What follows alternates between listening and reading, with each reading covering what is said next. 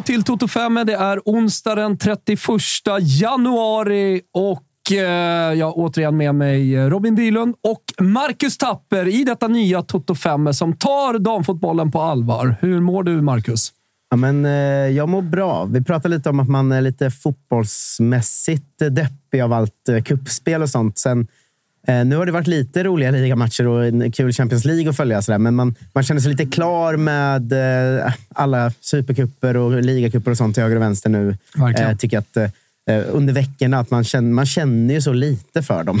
tycker jag. Så Ja, men jag är lite fotbollsmässigt deprimerad. Ja, men men jag förstår, och speciellt då från äh, herrfotbollen. Däremot så har det ju varit glödhett också med svenska intresse i Champions League. Robin, eh, dramatiskt igår. Kanske inte just i Häckens grupp, men eh, överlag. Det har varit jämnt. Lag som man inte har sett riktigt på den här nivån, som är uppe och presterar. Eh, fan, ganska roligt Champions League i den här säsongen. Nej, men äh, verkligen. Vi, vi pratar väl om äh, den här gruppen med, med PSG, Roma, Ajax, Bayern München, om det var förra eller för, förra veckan äh, också. Och det getingbo det hade blivit. Och jag, jag vet inte hur, hur mycket folk eh, hängde med på eh, slutminuterna från eh, Bayern München PSG, men ehm, helvete som det svängde och krängde där. Och det var känslostormar som drogs, drog fram över hela jävla Bayern i stort sett. Ja, det är sällan man får se ett sånt... eh, Alltså att en grupp helt vänder i slutminuterna på det där. Så Det är det som är magin med Champions League. Som man tänker att det ska vara, men det är ju väldigt, väldigt sällan så på riktigt. Men det var ju verkligen så igår. Nu vet jag att det är många som lyssnar på den här podcasten, dels med svensk intresse, dels att få lite koll. Så att jag tänker att vi ska vara lite extra tydliga. Det som hände var, precis som Robin sa, ett getingbo. Det var PSG, Ajax, Bayern, Roma. Alla med möjlighet att ta sig vidare. Det var ett tag tidigt i den här gruppen där Roma faktiskt var vidare. Och sen slutar allting med PSG och Ajax på 10 poäng, Bayern på 7 poäng, Roma på 5. För att Ajax lyckades vända mot Roma, vinna den matchen. Och Bayern, PSG slutade 2-2. Precis, och där, eh, alltså det sjuka det är ju först, det är väl i den eh, 84-85 minuten Ajax får in sitt 2-1 mål, vilket då betyder avancemanget för dem. Eh, och där en stund så är man ju till och med etta i gruppen. Eh, sen eh, fram till den 88 minuten, då är det ju Bayern som är tvåa, PSG är trea och de är ute. Men när eh, gamla svenskbekantingen Amelie Vangsgård är framme med, med någon form av liten touch, sen går de väl egentligen via Georgia Stanway. Så det är ju ett självmål från Bayern München fram då till ett 2-2 mål för PSG i slutet. Då är PSG istället gruppetta på den där kvitteringen. Ajax ner till tvåa, Bayern ute och sen gör ju alltså till och med Bayern München, de gör ju alltså ett 3-2 mål i 97 minuten. Firar så de spricker, men flaggan är ju uppe. så äh, nej, fy fan, det Ja, var, som det var säger- scener. Nord, Nordsjälland fostrade Amelie Vansgård som gjorde så jävla bra i Linköping. 22 mål under säsongen 2022. Gick till PSG. Hon kommer in i den 87 minuten. Och Ja, eh, i och den framme med en 88. Så det blir officiellt ett självmål, men det är ändå Vansgårds mål. Hon är där. Det, hon, hon tar äran åt sig i alla fall. Det, och det är det, väl det viktigaste i sammanhanget. Ja. Jag lyssnade på att ert, jag tror det var senaste Tutu Balutto, när ni pratade om...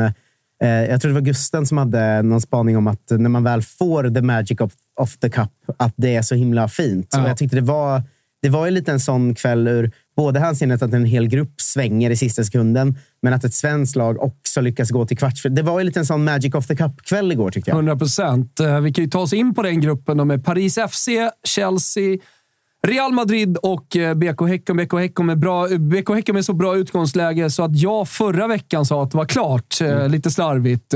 Det visade sig som alltid när jag kollar i spåkulan att det var rätt och det blev ju faktiskt inte dramatiskt. För att lä- utgångsläget var som så att om Chelsea vinner, då spelar det ingen roll vad som händer Exakt. i övrigt. Och de tog tidig ledning, gjorde också ganska tidigt 2-0 i sin match då mot Paris FC, vilket betyder att det spelar ingen roll vad som händer i Häckens match. Men Häcken körde på och uh, fan, vi har en uh, new sheriff i svensk, uh, Svenskstan. Jag tycker att hon håller på att utformas till uh, Ja, men i alla fall topp tre spelare i damallsvenskan, Rosa Kafaji. Eh, som bara går från revansch, klarhet, eh, från, från klarhet till klarhet. Men revansch för straffmissen också. Det var ju skönt att det var hon som fick eh, göra det ur, ur Häckenögon ändå. Och det är ju tungt, alltså inför ögonen på Real Madrid såklart. Alltså mm. de möter Real Madrid på bortaplan, men alla Europas scouter. Att som eh, Rosa Kafaji, eh, född 03, vi har pratat om de unga spelarna, Ellen Wangerheim, eh, Nildén i allsvenska, lillasyrran Nildén alltså. Det kommer ju upp eh, en rad 08 nu, till och med 07 Vi har Felicia Skröder. Alltså det, är en, det är en våg av svenska unga spelare till skillnad från eh, herrallsvenskan som är intressanta för de absolut bästa klubbarna i världen. Och Det har vi också sett på övergångar mm. som till exempel eh, eh, Winberg som går till eh, Spurs som, som också är ung. Det är lilla eh, dåliga tajmingen att allsvenskan precis nu i herrsammanhang också säljer en till Bayern München och Barcelona. Ju. Men du har ju rätt i sak ändå. Absolut, men de säljs ju också till Primavera-lag, ungdomslag och B-lag. Eh, medan de här spelarna går ju rätt in i A-lag. Mm. Eh, eller Junitoft rätt in i Malmö FFs A-lag mer eller mindre och så, och så vidare. Så det, det, är ju verkligen en, eh, en ung generation från typ 03 och sen neråt som ser så jävla intressant ut. Och då vill man skicka in en pik till förbundskapten Peter Gerhardsson att det kanske är dags att börja göra lite generationsväxlingar. Men, det Nej, men om inte Rosa Kafaye har en tydlig plats. Alltså hon har ja. gått om Aslani. Hon går ju om Aslani nu, är ju samma spelartyp. Aslani är ofta skadad, har gjort det jättebra fram till nu. Men alltså, Rosika Faj är en bättre fotbollsspelare här och nu. Och jag säger också att Wangerheim kommer igång Blackstenius på relativt kort tid. Ja, det, lite där du landar i att eh, det finns en hel drös på gång, men att eh, Kafaji kanske är den mest spännande, eller? Ja, alltså, nej, hon är en av dem, skulle jag vilja säga. Alltså, Winberg definitivt, får se hur hon går i Spurs. Alltså, nu är inte Janogy ung längre, men vi har även alltså, spelare eh, strax innan 30 som också levererar och kan gå ut i Europa som stjärnor nu. Alltså, vad, vad har hon gjort, eh, Madde? Är det fyra mål på två matcher för Fiorentina? och det är också... Senaste doppjettan gör hon mot Juventus. Ett Juventus som absolut skulle kunna spela i det här gruppspelet och göra bra ifrån sig och ta, ta sig till en kvartsfinal, för så bra är de. Mm. Så att det, det är ju inte... Det är ju inte mot eh, Kalmar borta liksom. hon, hon gör doppjettor, utan det är bra motstånd. Liksom. Du ska, ja, du, ska inte få, du, du, ska inte få, du ska inte få lämna Kafaji till Janogy eh, sådär eh, snabbt utan att vi stannar vid att prata Kafaji lite mer. Tycker jag. Så det är ju, för precis som Marcus är inne på, med, eh, med straffmissen senast och att hon då studsar tillbaka och gör vad som i alla fall i Häckens ögon är det avgörande målet. Sen så behövdes ju inte det där målet, den där vinsten, utan Chelsea hjälpte dem ju på traven. Men det är ju det här som kanske gör Kafaji unik i det sammanhanget med bland svenska unga talanger där vi pratar om den mentala styrkan och det har väl egentligen alla pratat om sen hon kom upp i ungdomsåren och att det var något helt annat vi hade att göra med rent mentalt och att det att göra Dels den tidiga flytten hon gör till Häcken. Det var pengar för typ första gången i damallsvenskan när vi pratade övergångssumma och dessutom då åka på den skadan hon gör och missar ju typ ett år direkt hon har ankommit till en nivå där folk inte riktigt visste hur hon skulle kunna leverera och hantera det och sen svarar hon upp med den säsongen hon gör förra säsongen in i, i allsvenskan och nu kliver ut och till stunder faktiskt dominerar i Champions League och det är alltså i en grupp mot riktigt jävla bra motstånd och det är ett ganska, i alla fall på många håll, ganska ungt och oerfarent Häcken som hon på många sätt och vis leder fram också. Så det är ju det är ju inte bara en talangfull fotbollsspelare vi har att göra med här, utan det här är ju en spelare som med en kaptensbindel på arm kan, kan leda liksom både Häcken och större lag och landslag i framtiden skulle jag tro. 100 procent. Hon är dessutom en jävla härlig mentalitet och vinnarskalle verkar det som. Så att, eh, så här, hon, hon, bidrar med så jävla mycket energi ute på planen. Men vill du ha ett svenskt perspektiv på Häckens eh, framgång i eh, Champions League, eller Robin? Jag tänkte my, mysa in eh, svenskperspektivet i att eh, Musovic ändå stod för Chelsea i den matchen vi nämnde och Rytting Kaneryd hoppade in också. Så, att, eh, ja, men jag, så fort vi går förbi en match så vill jag liksom skjuta in en liten svensk. Ja, men jag tycker det, men uh, min är ju mer en, en spaning, kanske lite mer utzoomat klubb för klubb. Det är att Häcken går vidare från gruppen med Chelsea, Paris FC och Eh, Paris FC som för övrigt slut Arsenal, va? I ja, både Arsenal och Wolfsburg. De hade ju ett och helt Wolfsburg. otroligt kvalspel. Ja.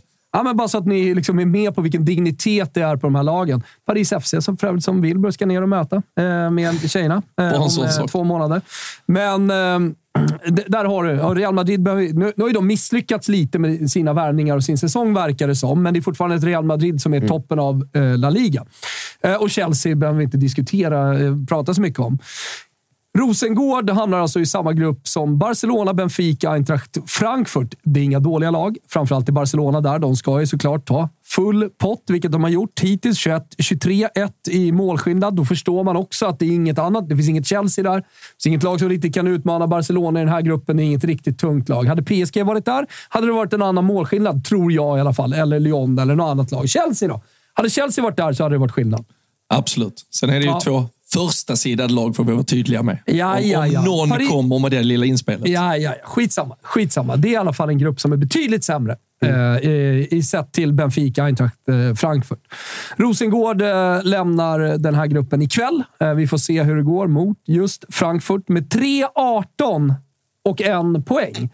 Och eh, ja, jag blickar i alla fall mot den här säsongen eh, som, som stundar. Vi, vi, får se lite vad de värvar såklart, för transferfönstret eh, är fortsatt öppet. Men jag ser inte Rosengård som ett topp tre-lag den här säsongen. Nej. Och, och det, jag, alltså det jag, alltså, jag, vänta, bara, bara för att liksom folk inte bara så här, vadå, baserar det på en Champions League-spel som har pågått under hösten och som pågår liksom just nu. Nej, jag baserar det egentligen på allt jag ser. Och man, den energin som finns i klubben och eh, de säsongen. satsningarna man gör och de spelarna som finns i truppen. Eh, och, och, och också vad andra lag gör. Se på liksom Bayern med det norska landslaget ute på planen. Mm. Eh, du, du har Häckens värvningar, vad de gör. Eh, det är det är andra klubbar som gör mer intressanta saker helt enkelt. Men det är klart att det också är en fortsättning på Rosengård förra säsongen. Alltså till och från såg det ju riktigt dåligt ut. Ja. Eh, det ska man inte glömma heller. Och de, de är inte på väg åt rätt håll som klubb, Rosengård.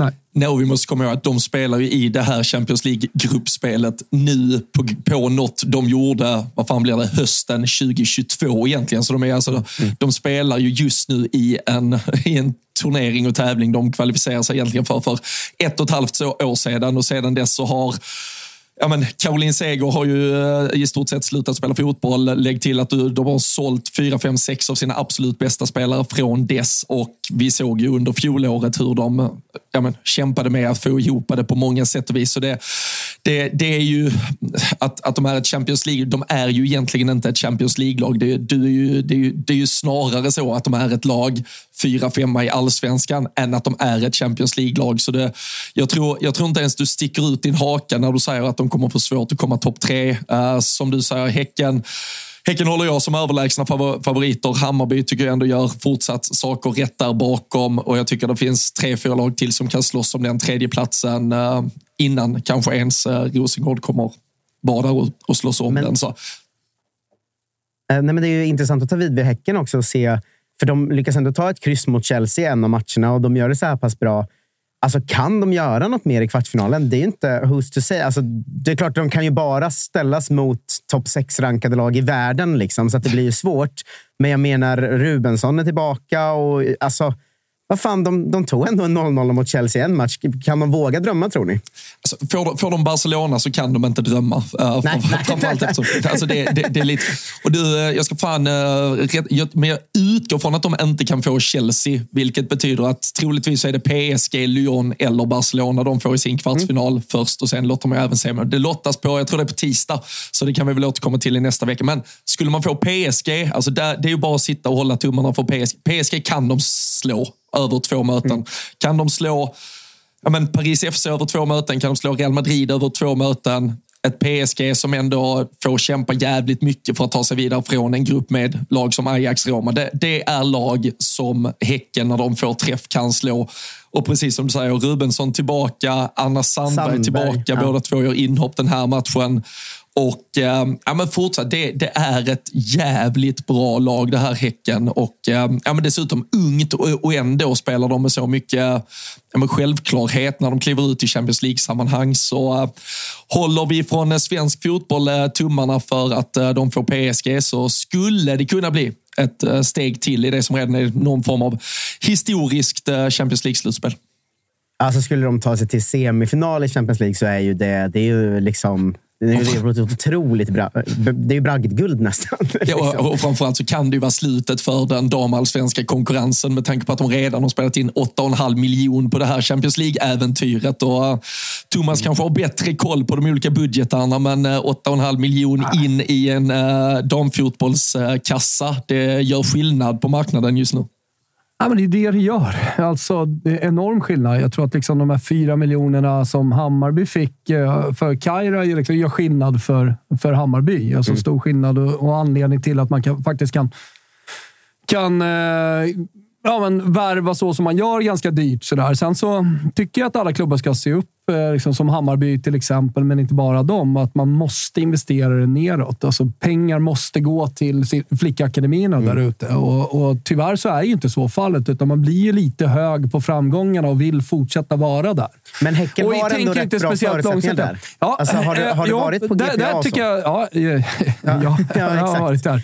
Eh, och eh, det, det, var det jag tänkte säga. Där skiljer sig också de svenska klubbarna. Liksom, hur mycket man satsar och vilka resurser man lägger liksom, på framförallt sina U-delar, mm. alltså från 15 år uppåt. Och där, ja, där, där måste klubbarna se upp. Och där, där, alltså, så Hammarby har en jättefin flickverksamhet, men eh, de måste också fortsätta liksom, att utveckla den och mm. spendera mer pengar för att hänga med liksom, det som sker dels i Sverige, men också ute i Europa. Det kommer Malmö FF som jag vet redan lägger mer pengar på sin U-verksamhet än vad Bayern gör till exempel. Så det, det, det, det, är mycket sånt där också som, som jag tänker på eh, när det kommer in pengar. Att det är viktigt att fortsätta bygga Ja, det, och det utgår jag från att eh, Häcken till, till vissa delar i alla fall kommer att göra. Men sen så har de ju också varit jäkligt skickliga de senaste åren på att om de inte utvecklar spelarna själv så är de i alla fall ute och dammsuger fan Sverige till stor del på 17-18-åriga talanger. Du, vi nämnde Felicia Schröder i, eh, i, i, samma, eller i någon veva här tidigare.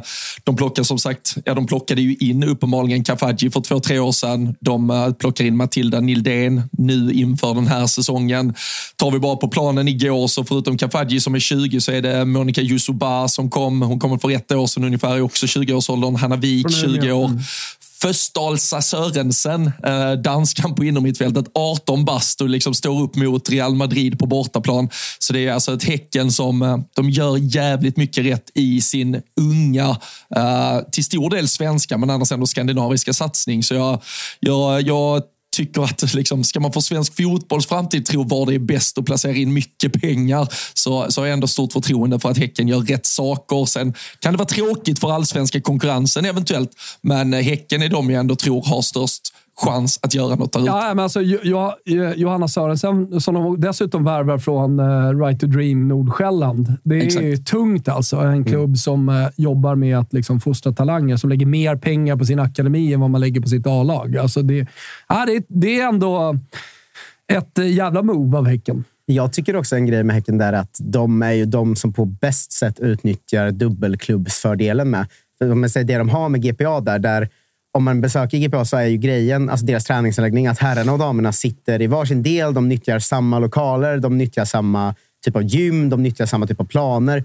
Så de har ju egentligen BK Häckens herrlags förutsättningar eh, att spela på. på ett helt, det måste vara ett helt underbart sätt. Om, då, om de får in 8,5 då har de så pass mycket på plats att de kommer också kunna investera i, alltså spelare, ja. i spelare. Men de är smarta som Johanna Sörensen till exempel. Ja, 05, alltså de vet att det finns eh, så vidareförsäljningsvärde. Och så, men, men det, hon är bra här och nu också. Men det jag menar att de kan bygga här och nu i och med att de har så bra träningsförutsättningar och saker på plats. Och akademi och scouting och de, de ligger ändå rätt långt fram där. Om de investerar lite där mycket i spelare. De har ju verkligen chans att om de fortsätter gå till Europa nästa år också, eller så, alltså, att bygga det som Malmö FF har byggt på här sidan. Att nu tack vare Europapengar kunna springa iväg den, från den svenska konkurrensen rätt rejält. Alltså, mm. Vad innebär om de skulle nu få PSG och ta en semifinal? Det är ju dubbelt så mycket pengar till. Liksom. Mm. Så att det, det, det, finns, som Robin säger, tror jag, en, med pengarna och kombinationen. Chans eller risk?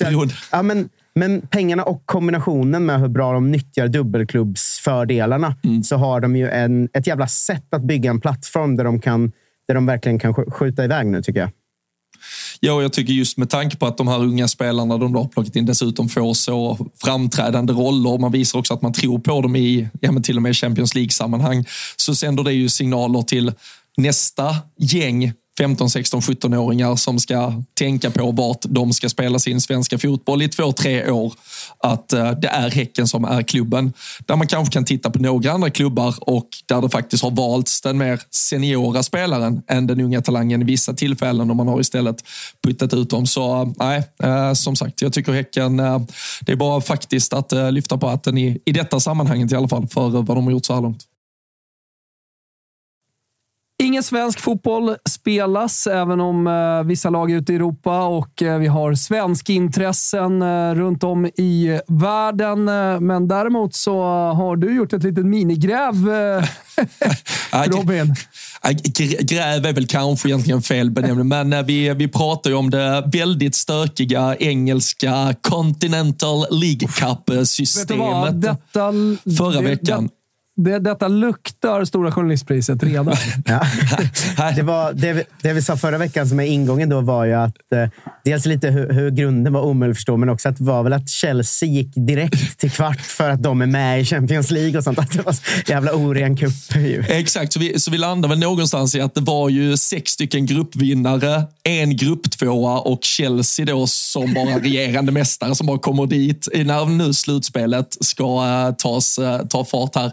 Och eh, det såg ju länge ut då som att vi skulle få ett... Eh, ja, men Aston Villa skulle gå vidare som en gruppetta Uh, i en grupp där Sunderland kom tvåa. Uh, den bästa grupptvåan blev Manchester United, så de var ju vidare som bästa grupptvåa.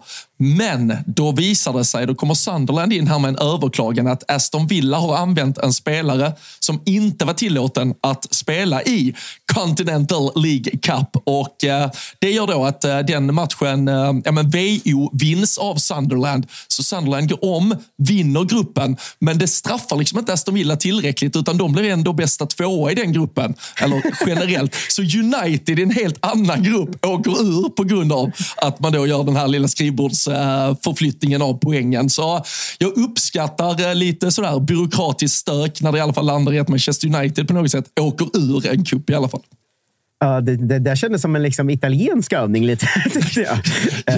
jag också känns jätteorent att laget som någonstans har om vi säger, fuskat eller bara gjort ett jävla mänskligt fel. De straffas ju ändå inte tillräckligt så att de åker ur, utan det blir ändå någon annan som tas ner i det fallet. Så det, ja, eh, Continental League Cup fortsätter att leverera i alla fall. Ja, det, här, eh, det här blir ju rakt in i spaningen att man är trött på cupfotbollen. Absolut. Den här skiten Absolut. kan vi inte hålla på med. Nej, de, uh, men... de, jag såg faktiskt Chelseas tränare Emma Hayes, hon, som då till och med har haft äran att slippa skiten. Hon var ju inne på, kan vi inte bara skrota den? Så vi har, vi har liksom mandat där ute i fotbollsvärlden till att kanske driva den här frågan om vi skulle vilja lyfta det ytterligare. Ja, man har nästan man har liksom aldrig hört talas om att någon gör ett sånt fel, det blir VO och då får den istället gå vidare på en annan placering, vilket gör att ett annat lag åker ut. Det är ju för rörigt. Liksom. Eh, så kan det inte funka. Men annars har det varit eh, kul med England att se att eh, Nildén tog sig direkt in i elvan och sådär. Det, det var ändå ja, men en, en kul start tyckte jag. Och även, jag kollade på City och hade min min Rytting Kaneryd-spaningen för förra veckan är nu Angeldal. Vad bra hon är. alltså, ah.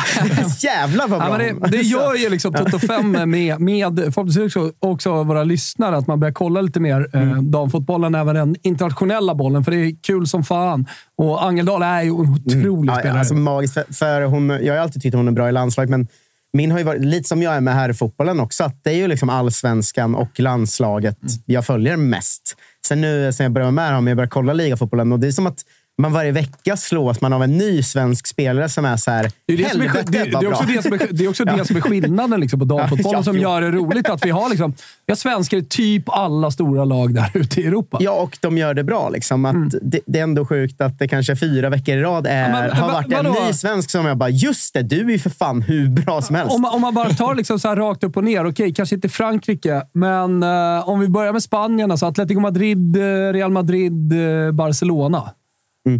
Där har vi spelare. Uh, är det någon i Atletico nu? Hanna Lundqvist var där, Han... men vi har ju Levanta och Emma Holmgren annars. Det, ja, det är ändå ja, topplagen. Freja Olofsson i Real Madrid. Vi har, uh, vi har ett gäng i Barcelona, eller vi har Rolfö i Barcelona. Ja, om man tar Italien så har vi, ja, vi en trippel i Fiorentina som ändå är eh, topp tre, topp två i ligan. Vi har Aslan i Milan. Aslan i Milan. Eh, vi, vi, alla svenskar lämnade ju faktiskt Juventus. Sembrant, mm. Eh, Nildén och eh, vad heter de från, eh, som gick till USA? Eh, Evelina Duljan, va? Ja, Duljan, precis. Ja, hon gick till Orlando Pride här nu i eh, vinterfönstret. Mm. Men hon har också lämnat, så att, det, det, har varit lite flykt då från Italien kan man säga. Bayern München, fullt eh, fräs med svenskar, men även i Wolfsburg fort, fortsatt. Där har vi ju Rebecka Blomqvist uh, i Wolfsburg, men uh, skadad mm. Just nu. Uh, och som sagt, vi har ju ett, ett gäng mittbackar i Bayern München också. Ja. Och så Sembrant gick ju också in och startade direkt i ligan. Ja, där har du. Mm. Du ser, det, vi, vi diskuterade lite Sembrant vad hon skulle göra i Bayern München. Där jag var inne på att nej, men fan, hon värvas för att spela här och nu. Så att, mm. jag fick rätt där Robin. Ja, hon, hon fick ju kliva in och sen blev det ju en Champions League-exit, så nu kanske de inte behöver henne. Vi får se hur mycket de behöver henne.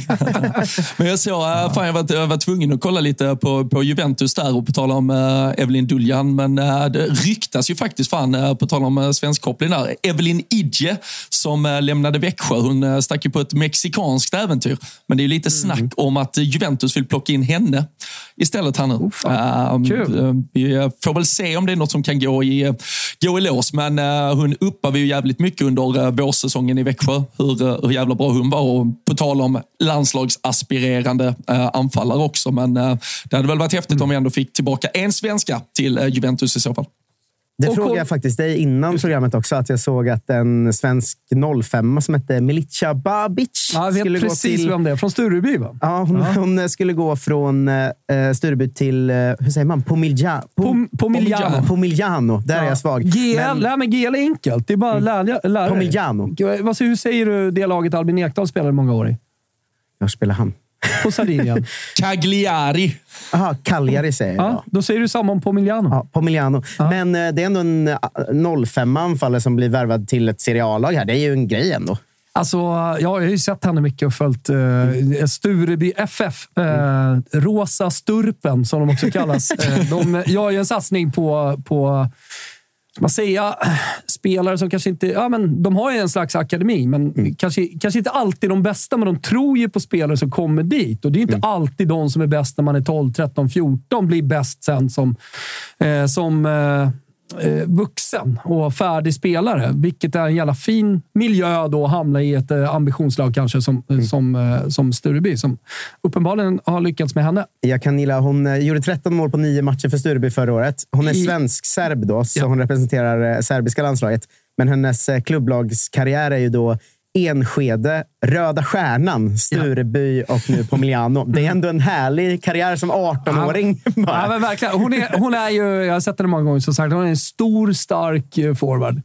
Och kanske kan eh, inspireras av eh, Emily Viens. De, mm. om, man, om man skulle välja en spelare bara så spontant som hon liknar så får det bli Emily Viens. Men hon har en bit kvar. Men Pomigliano ja. ligger ju sist i ligan. Så jag tänker att det är en sån klubb som kan ge en 18-årig ny anfallare några inhopp. Så gör hon något mål. Och sen hon, alltså, jag, jag ser det hända. Absolut. Man, eh, man känner ju mycket för den eh, som du drog där, klubblistan. Man brukar ju kunna sitta ibland så här. Jag vet inte om det är något grabbigt att göra men att bara sitta och rabbla sådana här Wikipedia-karriärer och så ska man gissa vem det är. Det är ändå en bra när det är flytten Röda Stjärnan till Stureby. Den är svår att ta, alltså, vem som har gjort det. Man hör ju att det är jävligt föräldradrivet, alltså, om man är serb också. Du, ska vi inte åka ner till Röda Stjärnan ändå och göra lilla sessionen där nere? Och så åker de ner. Och, men Röda Stjärnan dam ska man ju veta är inte Röda Stjärnan här. Även om och Röda Stjärnan här 2024 är inte Röda Stjärnan här 1992. Så att, eh, ja. Men det är, det, det är cool klubb och det är coolt att de var där. Jag drar min favorit Wikipedia-karriär ska jag se vem av er som tar den. Då. Jag stryker de första och de sista svenska klubbarna, för det är lite tråkigt. Jag tar med de här sju i mitten som är alltså sista svenska klubben, två utländska, tillbaka till Sverige, två utländska, en i Sverige igen. Bra kör. Vi börjar i Öxabäck Marks IF, går sen till Susuyu Shimizu i Japan, Sen till FK Athene Moss i Norge. Tillbaka till Landvetter. Bort till USA, San Diego Spirit. Sen Carolina Courage och hem till Malmö FF. Eh, ja, som kom hem nu till Malmö FF? Nej, det här är länge sedan. Jaha, det här är länge sedan. En legend. Jaha. Men det är en av mina favoritklubbblistor. den är så himla svår att sätta fingret på. Oh, alltså. eh, Tobias Gran? Nej, Kikki Bengtsson. Kikki Bengtsson. fin, fin eh, klubbkarriär. Alltså, nämns Lazio i den där Wikipedia-listan, då vet jag att det är Pia Sundhage. Ja. Men det är just det här Sverige, Japan, Norge, Sverige, USA, USA, Sverige. Ja. Det, är också, det är ju tidigt. Det här är ju skarven mellan 90 och 00-tal. Ja. Så det är liksom en tidig runtflyttkarriär för att vara en damspelare också. Verkligen. Verkligen. Glöm aldrig Kikki Bengtsson säger. Nej, det gör vi fan inte. Otrolig. I övrigt då, eh, som vi sa, det har varit lite kupper. Eh, det har varit, eh, det har varit Champions League. Jag kan ju säga det inför kvällen bara, för de som undrar varför pratar vi inte upp den mer? inte det är lite spännande och dramatiskt och man pallar inte kolla in tabellen? Då gör jag bara jobbet åt er och berättar att Barcelona-Benfica är vidare som 1-2 och Lyon Brann är vidare som 1-2, så det finns ingenting att spela för. Nej, det finns väl någon, eh, liksom eh, Brann gör 20 eh, mål och Lyon släpper in 20 typ som skulle ändra på ja. ordningen där. Men nej, det kommer nej. såklart inte ske. Så det, jag har det också bara... grund, grundinställningen att snacka upp matcher är så mycket tråkigare än att snacka ner matcher. Ja, då, avsnittet, ja. avsnittet är ju dött efter tre timmar när det visar sig att man hade fel om allting som skulle hända i matcherna bara. Alltså, det är mycket bättre att vara efterklok ju. Ja, ja men verkligen. Um, ja, men vi, eh, vad fan, alltså, eh, jag tycker ändå från, eh, från England, du har ju varit inne på uh, Rytting Kaneryd. Uh, spåret och eh, hennes framför. Jag tycker verkligen man kan se hur hon i, eh, ja, men i den offensiven nu med tanke på Sam Kerr borta och eh, dessutom länge att hon har blivit helt given till, till höger i den där offensiven.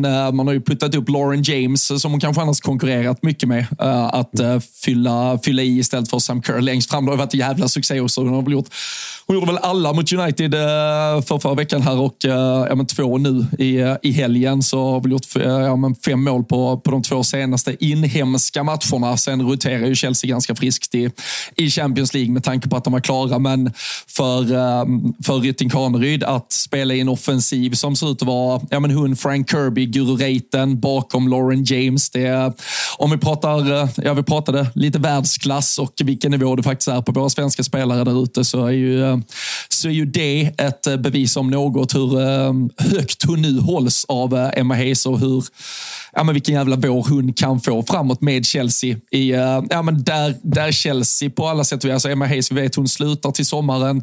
Nu har de chansen att gå för både liga och Champions League. De, uh, Barcelona är ju superfavoriter i Champions League, det vet vi. Men vad Chelsea kommer vilja försöka uträtta för sin tränare och hur viktig Rytting Kaneryd kommer vara i det här. Tillsammans med dessutom en Nathalie Björn som har gått in och fått starta i det där mittförsvaret också. Så det, där har vi en jävla svensk vår att följa. Eh, jag tycker det där var intressant, exakt det jag sa förut, att man ser nya svenskar hela tiden också. Att när de slår Brighton med 3-0 så eh, Julia Sigiotti Olme är ju bra för Brighton på mitten där också. Eh, nu är ju Chelsea rätt överlägset den matchen, men hon är ju typ den som sticker ut i Brighton som bra också. Så ja. att det, det, är verkligen... Det är verkligen ett genuint tips att kolla in engelska ligan för att det, det bara är bra svenskar överallt. Alltså Bennison gör det bra när hon spelar Everton. Hon var jättebra i kuppen och sen fick hoppa in i ligan och var bra då också. Att så här, nästan vilken match man än slår på så är det någonting som, ja, som två, är på gång. Liksom. Ja, ja, men alltså, vi har ju så mycket svenska intressen både på tränarbänken i toppen och eh, i topplagen där ute också. Det blir, känslan är också att det blir mer och mer. Intresset bara ökar och ökar för de svenska unga spelarna. Ja, fan vad man bara känner att vi var rätt på det direkt i uh, Toto 5s linda. Att Hanne Bennison måste göra något annat av sin karriär. Hon kan inte stanna i Everton ändå. Det, det är ett nej, lag som kan nedmonteras. det, hon har inte, alltså, som du säger, man ser ju hennes kvaliteter alltid när hon spelar fotboll, men det, det blir inte det där sista språnget. Det, det har ju varit lite samma problem i landslaget, men det handlar kanske mest om att man inte hittar riktigt rollen för henne. Men det känns som att hon måste ta ett steg till ett klubblag där hon får men, excellera i en miljö också som, som tillåter henne att, uh, att vara riktigt bra. För det, det, är väl det emot henne just nu för att ta det där nästa steget. Vad säger vi om uh, att blomma i svensklaget Fio då? Hanna Bennison dit. Det hade ju varit fint.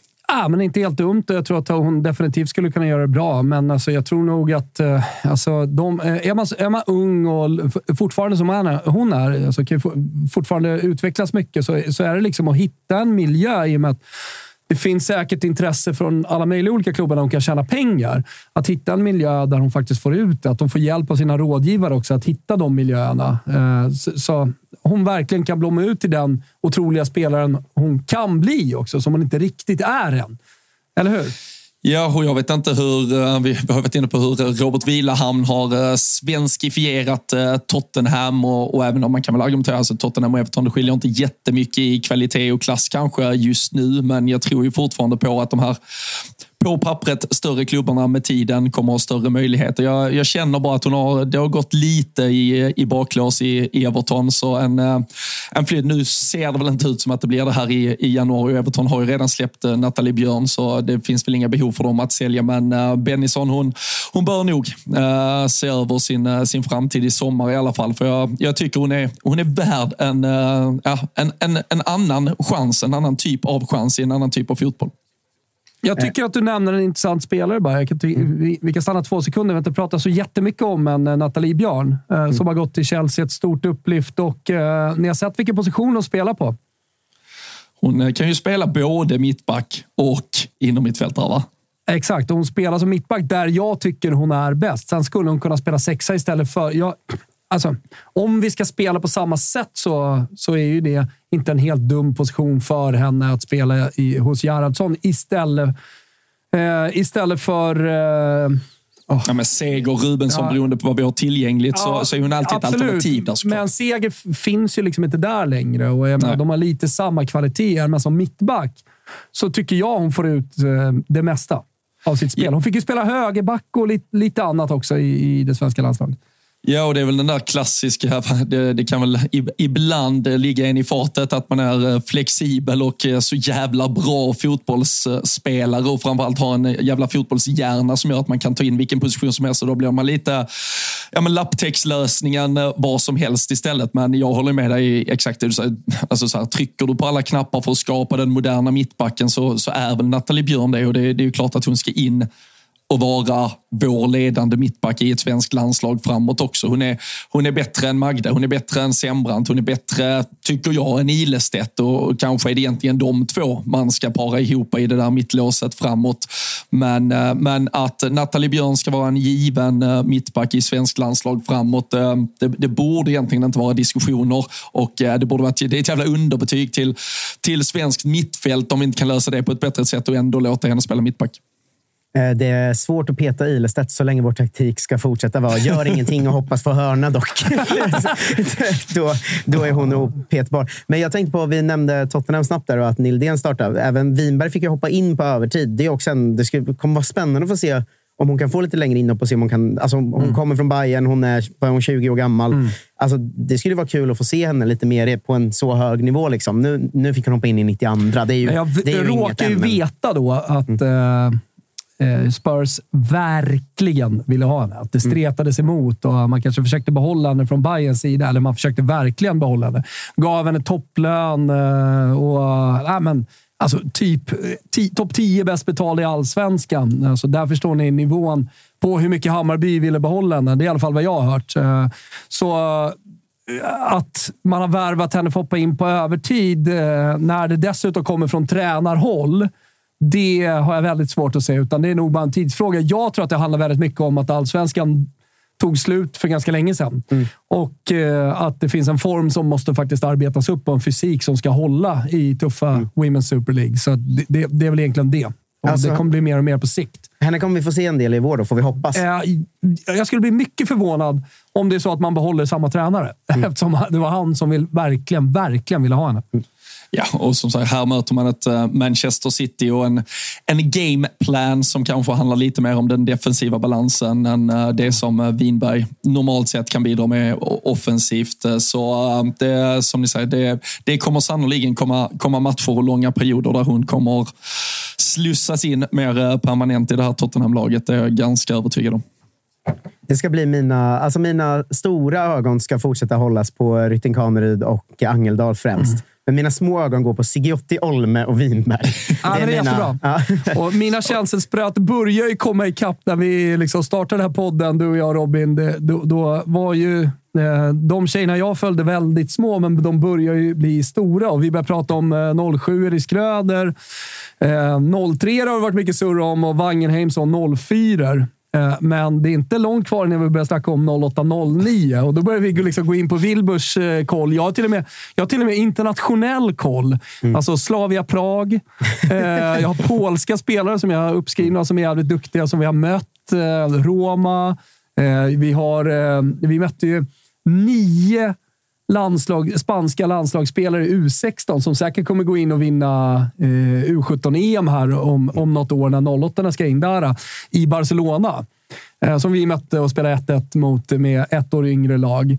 Eh, så att, eh, du, du vet, det, det, är så jävla upplyftande att det, fan, det börjar brännas för de här spelarna nu. Det börjar hända liksom. Och det ska bildas ett F15-landslag snart. Och, det kommer ju vara fruktansvärt för podden när, när Stella Wilbacher gör sitt första mål för Fiorentina. Då är det bara att lägga ner. Då kan vi inte podda mer. Då är inte jag ens här, för då bor jag i Flores. Så då får jag med på länk ibland och lämna rapporter från Flores. Men eh, eh, på, det, på det i alla fall så kan vi avsluta med att Ellie Junetoft nu har debuterat för Malmö FFs A-lag i första träningsmatchen mot Eskilsminne. En mm. match som vann för övrigt med 5-1 och eh, hon såg pigg ut. Ja, jag, alltså, jag vet inte, och det, du, du, får väl klippa bort detta om det inte är till men jag såg att Malmö la ut eh, att det var fyra debutanter eh, på planen. De la inte med Eli Junetorp. Mörkar de fortfarande att de har värvat henne? Jag, tror det. jag tror det. Jag vet inte vad de gör. Alltså, vi har, jag har gärna kvar det. De får gärna förklara själva. Ja. Jag tror så här att juniorspelare räknas inte som debutanter. Ah, okay. Utan då måste du ha ett A-lags... Vilket är jättemärkligt. Ja, då måste du ha ett A-lagskontrakt. Eh, tänker jag att det är en officiell debut i så fall. Mm. Okay. Och eh, Man får ju hoppas då att eh, June gör det tillräckligt bra så hon får ett A-lagskontrakt när, säsongen, in, när, när hon fyller 15. För från och med nu är det nya Fifa-regler. Du måste vara 15 år för att få A-lagskontrakt. Det började i och med första i första 2024.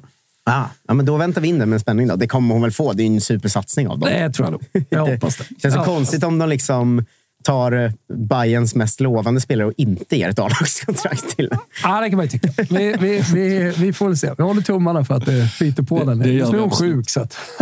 Ja.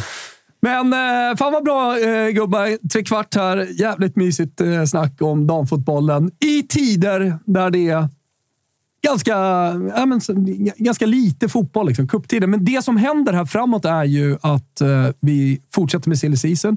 Nu är ligorna tillbaka, kanske ännu mer intensivt. Eh, vi eh, går också mot Svenska cupen i mars, eh, där det faktiskt börjar spelas fotboll, men en hel del träningsmatcher också. Ju längre in på försäsongen man kommer, desto liksom, tuffare försäsongsmatcher kommer att spelas. Så att, eh, dit kommer vi. Jag vet, det är Nations League om mindre än en månad också, va? Nations League. Eh, vi möter väl Bosnien? Ja. ja ska rädda oss kvar Först i A-gruppen. Exakt, vi ska rädda oss kvar mot Bosnien. Det kommer ju såklart gå hur bra som helst. Jag ska gå på den här matchen för övrigt. Tele2 spelas den på. Det är dubbelmöte mot Bosnien. Först borta, sen hemma på fem dagar. Ja. Eh, så två vinster där. Vi är klar, kvar i A-divisionen och få ha lite positiva vindar i fem. Ja, men skulle, vi, skulle vi torska dubbelmöte 180 minuter på tillägg mot Bosnien, då skulle då lägger vi ner A-divisionen om jag ska vara helt ärlig. Nej, men det, det, alltså, vi, kan, vi, kan spela, vi kan spela blindfolded och ändå vinna den matchen. Men däremot så hoppas jag se verkligen alltså, spelare i form och unga spelare. Alltså, jag, vill, jag vill ha in Rosa Kafaji från start i den här matchen, annars kommer jag börja larma mot landslaget. Det, jag, jag ser mest fram emot att se Rosa Kafaji spela, men jag ser, alltså, alternativet att du börjar larma mot landslaget, det, det duger också. Så det känns som en win-win ja, hemma, Hemmamatchen är ju 18.30 en onsdag. På Tele2? Jag, jag känner redan nu att det börjar... Ska du med? Jag fixar ja, plåtar. Ja, men det var det jag sa, att jag känner att det börjar lukta heldag här. Eh, Bosnien hemma. Let's go! Unga spelare från start. Kanske Tele2 nära. Seger hoppar in. Ja. Seger kan bli trevligt. Jag, står liksom, jag ska fixa plåtar precis bakom bänken. Alla är nöjda. Vinner med 5-0. Ja. Men Rosika Faja spelar tre minuter. Jag står bakom och ropar på Gerhardsson. Tokig. Nej, det blir gåshud. Vi får se. Håll i hatten eh, och häng med i eh, Toto 5 så eh, får ni precis allt och lite till. Tack för att ni har lyssnat. Tillbaka om en vecka igen. Hej! Ciao Tutti!